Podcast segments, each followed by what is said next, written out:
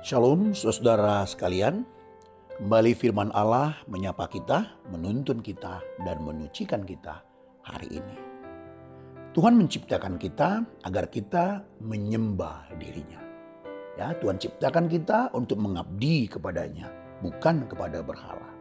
Menyembah itu artinya menempatkan menyembah Tuhan artinya uh, menempatkan Tuhan lebih tinggi dari semuanya. Menyembah itu memiliki makna, saudaraku, saudaraku artinya adalah tunduk jadi ketika kita menyembah Tuhan berarti hati kita tunduk kepada Tuhan. Kita tundukkan hidup kita, diri kita sepenuhnya tanpa ada yang disisakan kepada Tuhan. Itulah yang dimaksud dengan penyembah Tuhan, menyembah saudaraku. Ya, menyembah Tuhan itu adalah satu sikap yang menyerah, tunduk, tak berdaya, seluruh hasrat kita dikalahkan oleh keindahan Tuhan sehingga Tuhanlah yang mengatur sepenuh hidup kita, saudaraku. Jadi kita dipanggil untuk menyembah Allah, bukan untuk menyembah berhala. Nah saudara yang dikasih Tuhan, ya ada seorang teolog namanya uh, Ches Telton mengatakan, uh, bila mana kita berhenti menyembah Tuhan, maka kita bukannya tidak menyembah apa-apa, melainkan kita menyembah apa saja. Tuh. Jadi jelas sekali saudaraku, kita tidak boleh berhenti menyembah Tuhan. Kalau kita berhenti menyembah Tuhan itu artinya maka kita akan menyembah apa saja. Nah ingat kita dipanggil Tuhan untuk menyembah Tuhan. Kita hancurkan segala berhala di dalam diri kita saudara-saudara yang dikasih Tuhan. Nah pertanyaannya bagaimana kita bisa menghancurkan berhala-berhala ini?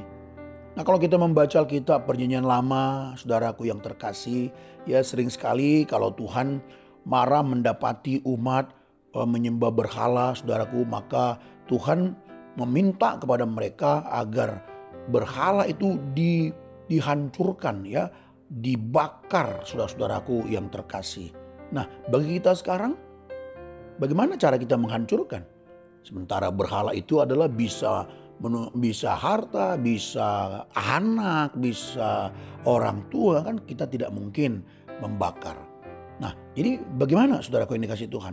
Nah, bagi kita menghancurkan berhala adalah Alkitab mengajarkan kita di dalam 2 Korintus pasal 6 ayat 18 itu ayat 16 sampai 17 saudaraku, kita diperintahkan untuk keluar, keluarlah engkau dari berhala kata Tuhan. Jadi kita diminta untuk mengambil langkah keluar, tinggalkan, alihkan perhatian kita kepada Tuhan. Namun Tuhan mengajarkan kita ada satu cara yang ya menurut saya ini ekstrim saudaraku. Tapi ini pun adalah cara yang memang diizinkan Tuhan terjadi dalam kehidupan kita. Eh, bagaimana meninggalkan berhala itu. Ketika sulit sekali meninggalkan berhala, ada satu perkara yang mungkin ekstrim menurut kita dipakai oleh Tuhan. Apa itu saudaraku? Yaitu misalnya uh, uh, dengan sakit penyakit atau kehancuran, kekecewaan atau ada kematian Misalnya karena seseorang memberhalakan kekayaan, maka Tuhan mengizinkan kehancuran usaha, ya, uh, memberhalakan mungkin anak, bisa loh terjadi kematian pada anak, memberhalakan pasangan hidup, bisa terjadi kematian pada pasangan hidup. Nah, jadi melalui kehancuran usaha misalnya melalui sakit yang tidak sembuh misalnya atau melalui kematian yang yang kita berhalakan saudaraku itu pun tentu menimbulkan rasa sakit juga. Karena ketika usaha kita hancur sakit juga saudaraku. Ketika sakit kita juga belum sembuh bertahun-tahun sakit juga. Ya, ketika kita ditinggalkan atau ke kematian orang yang kita kasihi, yang karena kita buat dia jadi berhala, itu pun tentu menimbulkan rasa sakit juga saudaraku.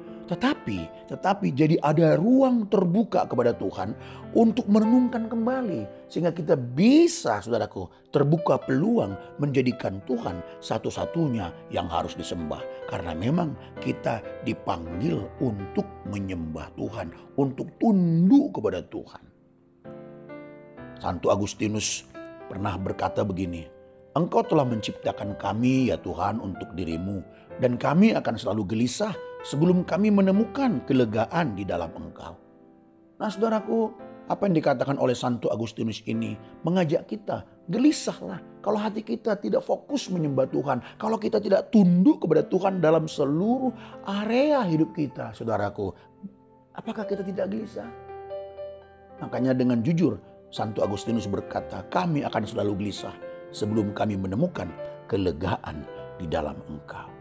Sehingga pada akhirnya saudara-saudaraku, memang semoga kita bisa sampai kepada satu titik bahwa tidak ada yang lebih memikat hati kita selain Tuhan. Nah ketika itu terjadi, maka di situlah kita tersungkur di hadapan Tuhan. Seluruh hidup kita disentuh oleh Tuhan. Itulah yang disebut penyembahan. Bahwa hati kita tunduk kepada Tuhan. Tuhan Yesus memberkati kita.